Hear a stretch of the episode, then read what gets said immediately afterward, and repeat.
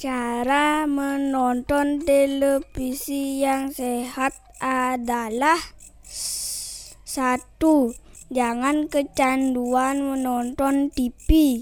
Hmm, kok bisa kecanduan? Dua, batasi waktu menonton rata-rata dua jam sehari. Hmm, hitung-hitung hemat listrik juga. Tiga, kritis terhadap isi siaran. Ah, kok kayak pengamat aja kritis.